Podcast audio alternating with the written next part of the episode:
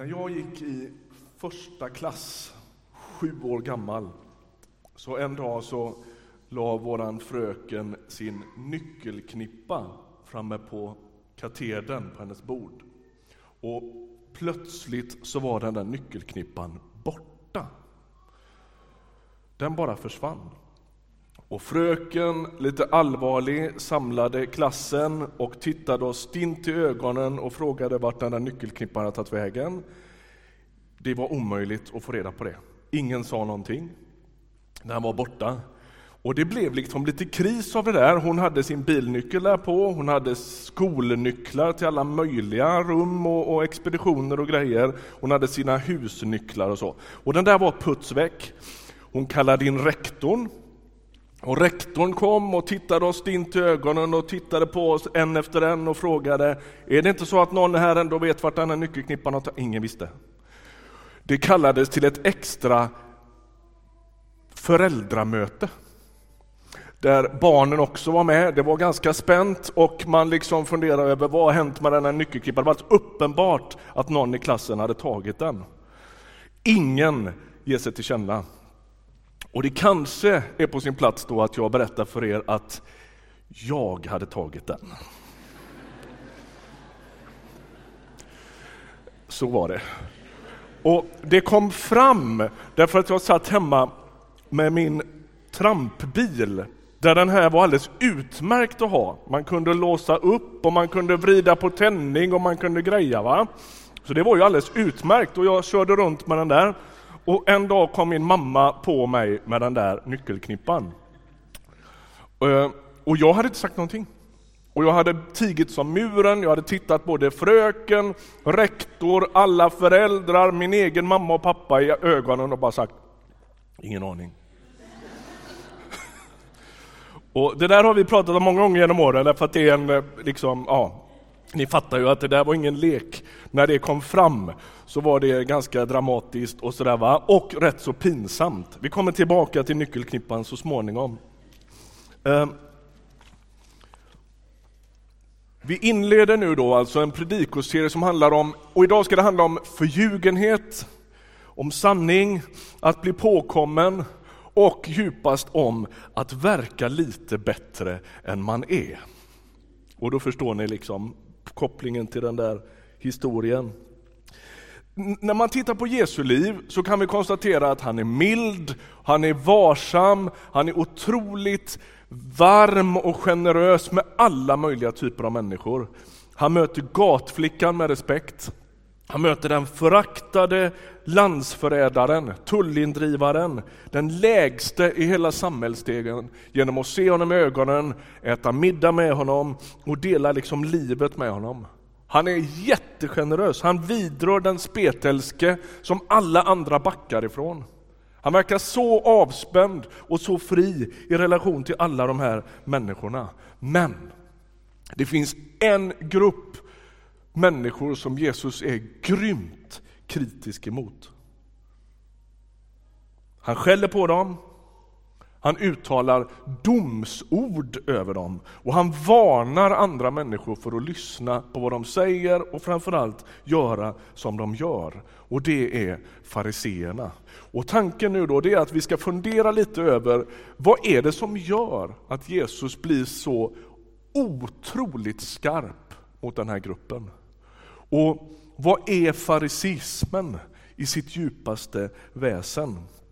Det Jesus varnar för är nämligen inte i första hand människor. Han går inte runt och klassar ut folk.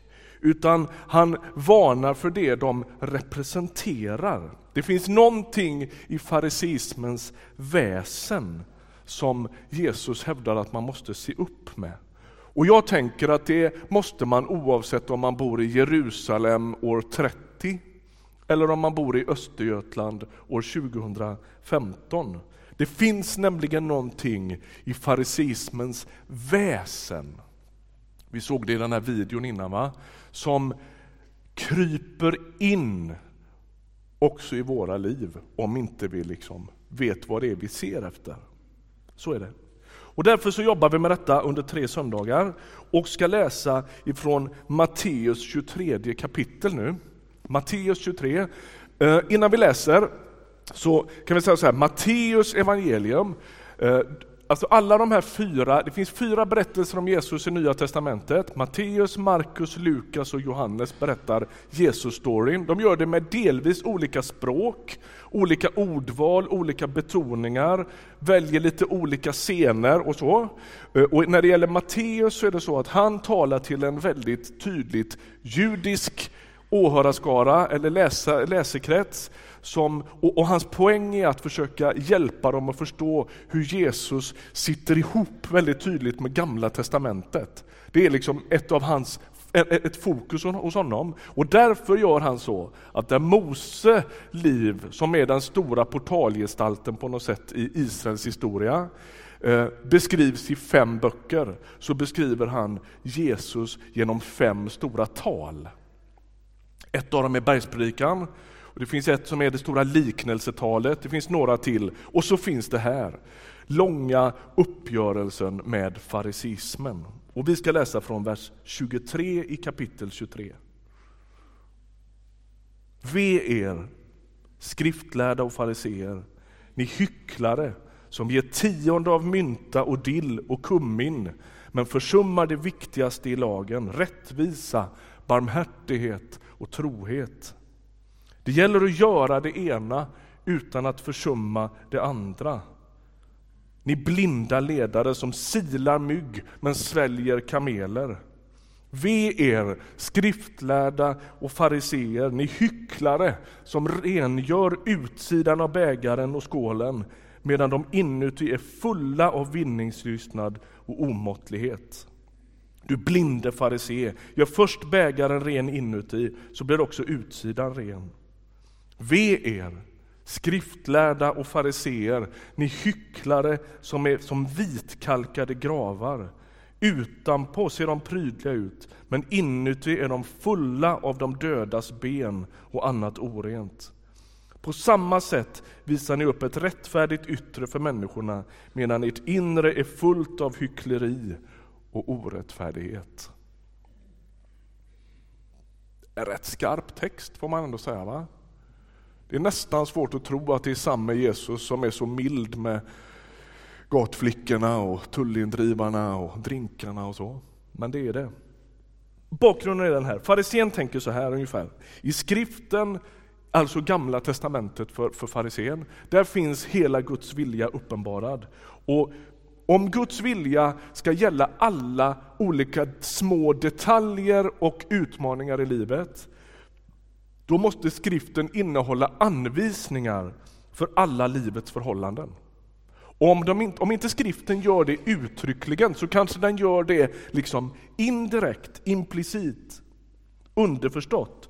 Och om inte skriften innehåller det så menar farisén att då har Gud gett um, traditionen Eh, eh, de gudagivna principer som behövs för att man ska kunna tolka alla möjliga situationer i livet, så att man förstår vad som är Guds vilja i varenda liten detalj.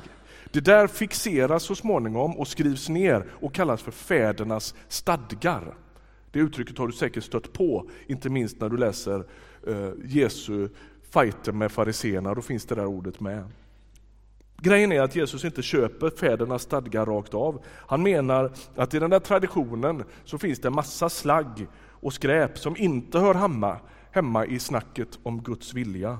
Och att de här hundratals buden och reglerna som man hade för varenda liten mikrodetalj i livet, de skymmer sikten när människor försöker få fatt på vem Gud är de blir till sist ett problem. De blir som tunga bördor som läggs på människor och, och man har inte en chans att bli fri från det. Det blir en sorts religiositet utan barmhärtighet, utan nåd, utan värme. Och Man skulle kunna beskriva det som utvecklas, och det gör det inte från dag ett, utan det gör det när en sorts religiös förnyelserörelse stelnar. Är ni med? Alltså fariseismen och de skriftlärda de börjar bra på sitt sätt. Så de börjar som en förnyelserörelse. Vi behöver läsa Bibeln ihop, det är viktigt. Vi behöver lyda vad det står, det är viktigt. Och så stelnar och kallnar det där. Och så utvecklas det till att bli kall bekännelse, hård religion och en sorts människofientlig teologi. Vad är det Jesus säger till fariseerna i den här texten? Han använder ju ganska drastiska och nästan dråpliga bilder här. Och vi har ju hört dem så många gånger. De finns ju i hela vår, vårt språkbruk, oavsett om man är kyrkvan eller inte, så använder man ju de här eh, ordstäven ibland. Då, va? Att sila mygg och svälja kameler. Var, var kommer det uttrycket ifrån? Jesus har myntat det då. Och, och bakgrunden är att judarna är ju noggranna, supernoggranna och, och oroliga för att de ska äta någonting med blod i. Och då förstår ju var och en att en mygga är inget bra att äta. Den är ju bara full med blod, det är ju det enda den är. Alltså silar man bort myggen och ser till att man inte får i sig dem. Och när Jesus anklagar fariseerna för att missa det betydligt viktigare, då använder han det här uttrycket. Man satsar på detaljerna Hör du vad han säger i den här texten? De ger tionde på dill. Fundera lite på hur det går till. Ha? De är ju supernoggranna med sin religiositet. De sitter och räknar dillkvistarna så här. En, två, tre, fyra, fem, sex, sju, åtta, nio, tio. Är du med? Kryddor på varenda liten detalj. Alltså hela livet är super, super inriktat på att göra rätt. Tills det blir så ängsligt och så låst och så oroligt och så lagiskt och så tvunget så det bara dör. Och då säger han, det är som att sila bort myggen men under tiden råkar svälja en hel kamel. Är du med på? Han är ju exceptionellt skicklig retoriker. Vilken oerhört träffande bild. Ni tror att ni gör rätt, ni, ni, åh vad gött, vi lyckades undvika alla myggorna. Så märkte ni inte att ni råkade svälja en kamel under tiden. Det är ju det han säger. Och vad är kamelen i det här sammanhanget? Det är rätten, troheten, barmhärtigheten. Allt det där som är så djupt förknippat med Guds hjärta. Det har ni tappat bort. Och så går han vidare och så använder han fler bilder om att rengöra bägare och skålar. Och sen kommer bilden om den vitkalkade graven. Det lär ha varit så här, enligt bibelkommentatorer, att varje år vid ett särskilt datum så kalkar man gravar. Man, man, man, man begraver människor och så finns det en risk att man skulle missa en sån där grav. Och då hör det ju till saken att i en judisk tradition så får du inte komma nära det som är dött, för då blir du rituellt oren. Så man, varje år vitkalkar man, alltså målar i princip de vita de här gravarna för att man ska se dem och inte råka gå på en eller komma för, för nära in på. Därför att då blir man rituellt oren på väg till högtiden i Jerusalem. Är ni med? Och så säger han så här, ni är som de vitkalkade gravarna. Det är ett putsande och fejande och grejande och målande på utsidan. Men ni är ju fulla av döda ben, säger han. Det är en förfärlig anklagelse. En förfärlig anklagelse. Döda ben i en grav är något orent och omöjligt att förknippas med för de här judiska ledarna. Det är en ytlig religion som Jesus avslöjar.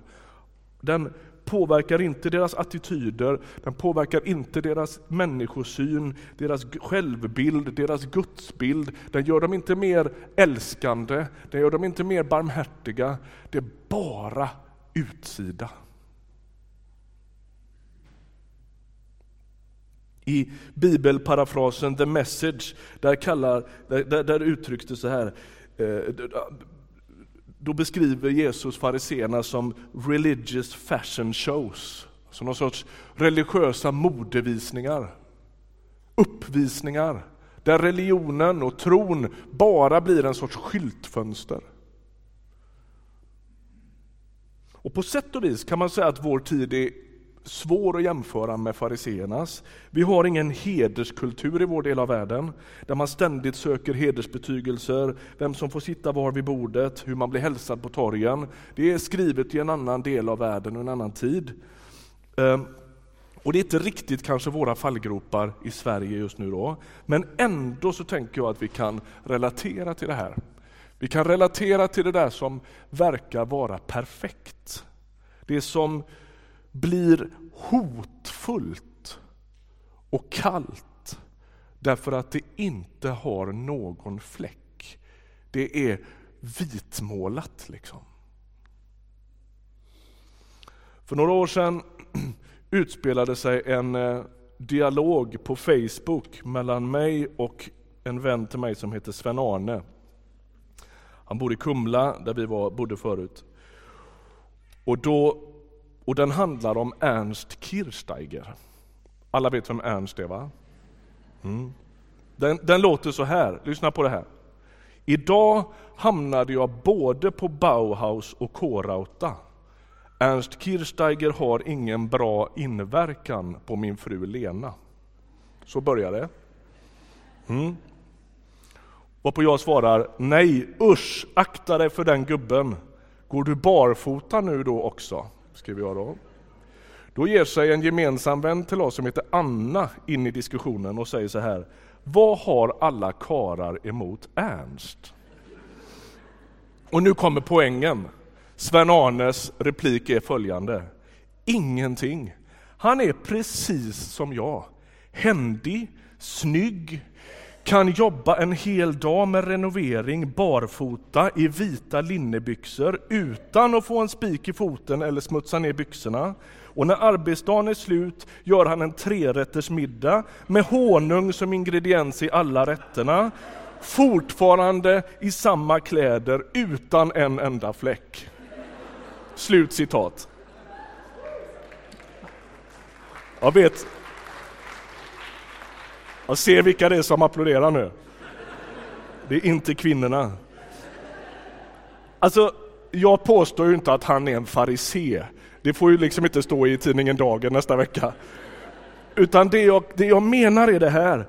En person som verkar kunna allt och är helt fläckfri och perfekt hjälper oss inte nödvändigtvis, utan blir ett hot. Eller hur? Man vet inte vad man ska göra med en sån här människa.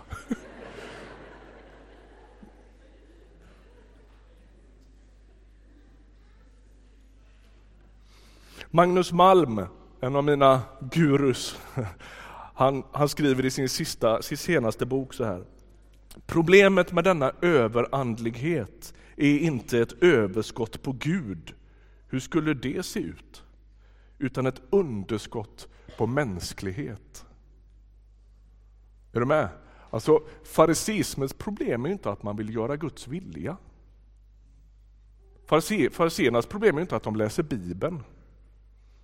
Fariséernas problem är inte att de ber, utan problemet är ju att mänskliga, det mänskliga livet inte får plats. Och det är ju lite ironiskt eftersom farisens önskan är att tron ska påverka alla områden i livet. Men i det går han vilse. Eh, Problemet är ju nämligen att farisén inte heller klarar att leva efter alla regler han har satt upp. Jesus säger, han anklagar dem och säger så här, de bördor som de har lagt på människor orkar de själva inte att bära. Och om man binder ihop de här bördorna, som Jesus han använder en bild av att de har bundit ihop dem och lagt dem på människor, och så klarar man inte att bära dem själv. Då finns det två vägar att gå. Antingen skulle man säga så här, man kapitulerar och säger detta funkar ju inte. Vi måste ha lärt fel om Gud. Eller också blir man en hycklare och så låtsas man att man får ihop det. På grekiska heter hycklare hypokrites. Du som är lite språkbevandrad vet att hycklare på engelska heter hypocrite, så det kommer ifrån det här uttrycket hypokrites, som egentligen betyder skådespelare. Och det är precis vad fariseerna blir. De blir skådisar. De spelar en sorts religiös föreställning som inte har täckning in, invändigt. Då. Magnus Malm igen, samma bok. Boken heter eh, Som om Gud inte finns. Det är kanske årets viktigaste kristna bok, om du frågar mig. Han säger så här, det är det lilla ordet och som räddar världen. Säger han. Det är föreningen av gudomligt och mänskligt som är kännetecknet på Jesu närvaro. Alltså när Jesus kommer, ni vet vad som händer så småningom när man ska försöka förstå bibeltexterna och sätta ord på det, så säger man Jesus är både sann Gud och sann människa. Och i det, i den föreningen, att Gud försonar det gudomliga och det mänskliga, där finns boten mot vårt hyckleri. Om hela mitt liv får plats inför Gud, om jag kan få komma med min svaghet och min styrka, med min längtan och min brist på längtan, med min helighet och min synd.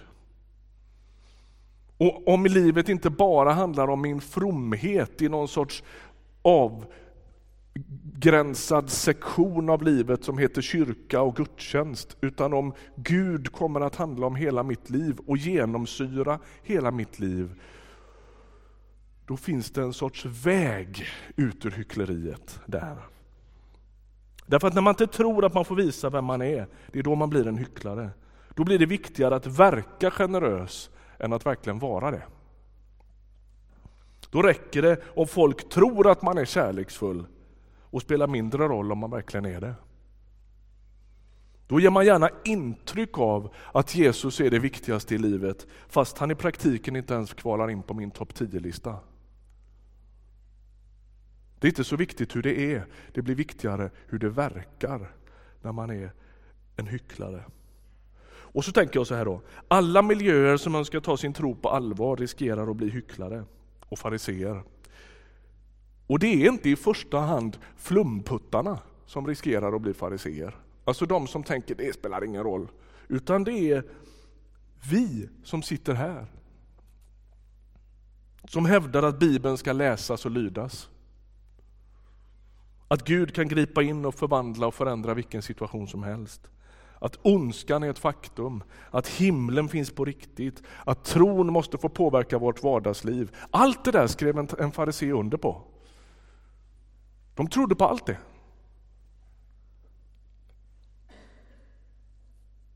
Kom, kom ihåg att farisén, han är liksom ingen antik variant på Hells Angels. Eller på filmskurkarna som du ser på, på bio. Alltså det har ju målats ut så lite i sådana här Jesusfilmer som att det där är någon sorts, liksom, ni vet hur film, filmlogik funkar, det är the good guy och the bad guy. Så problemet när Jesus rör sig bland de här människorna det är ju att alla ser upp till dem. De är ju de, är ju, de, de, är ju de föredömena. Och Jesus avslöjar dem.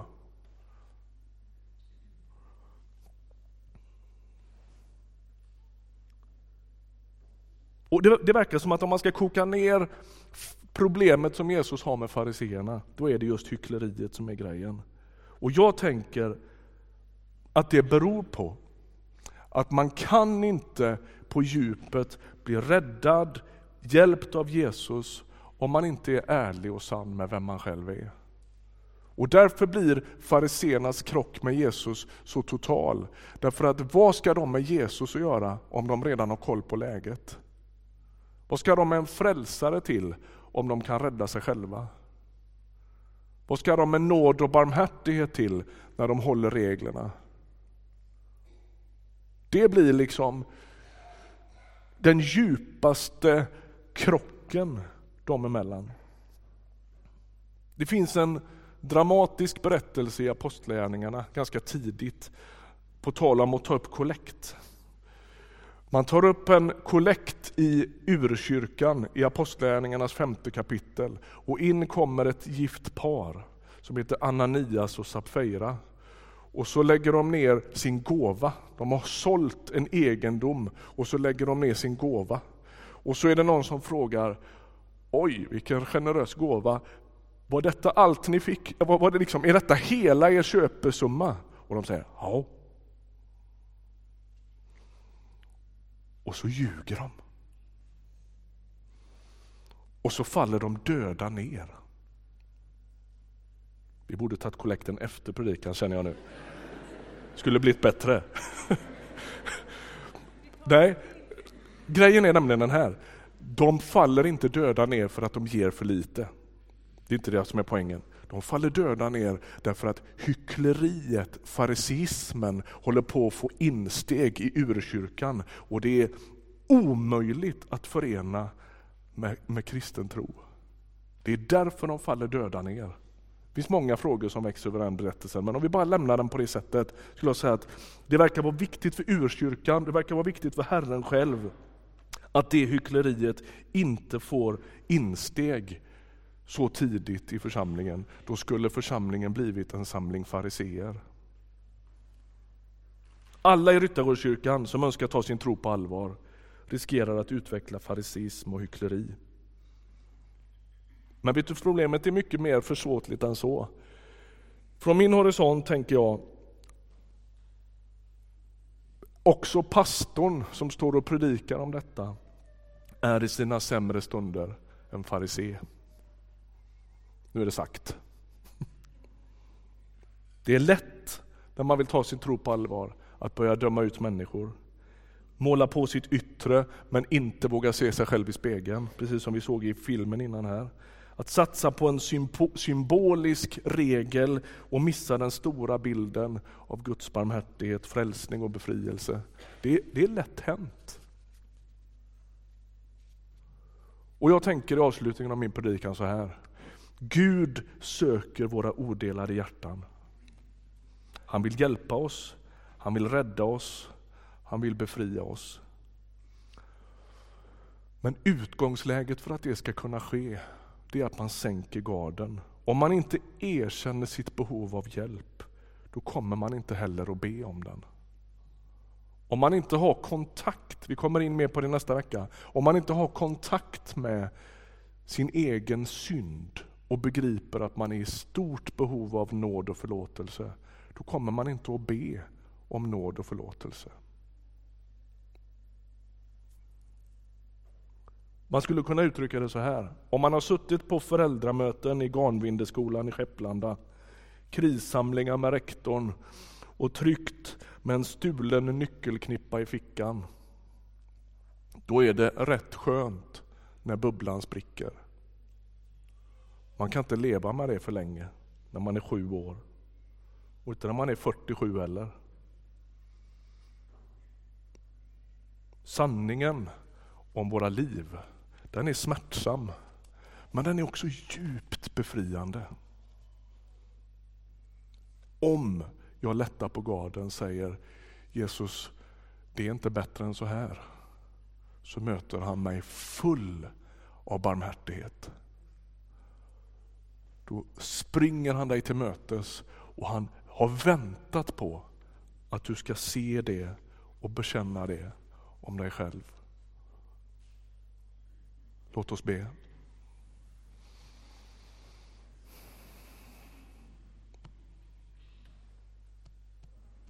Fader, tack för att du är full av nåd, full av sanning. Tack att du ser oss precis som vi är. Och det kan ju aldrig vi. vi, vi det är så mycket filter, det är så mycket som är dubbelt. Men vi ber om nåd att få se oss i spegeln. Vi ber om hjälp att släppa vår nyckelknippa, att säga som det är. Att be dig om hjälp. Befria oss ifrån vår idé om att vi ska skärpa oss till frälsning. Vi lutar oss mot dig. Vi ber om din hjälp. Och vi ber om nåd att inte bli hycklare och fariseer, Förlåt oss för alla gånger när vi fejar på utsidan febrilt utan att någonsin möta vår insida. Vi ber om hjälp att leva hela liv. I Jesu namn. Amen.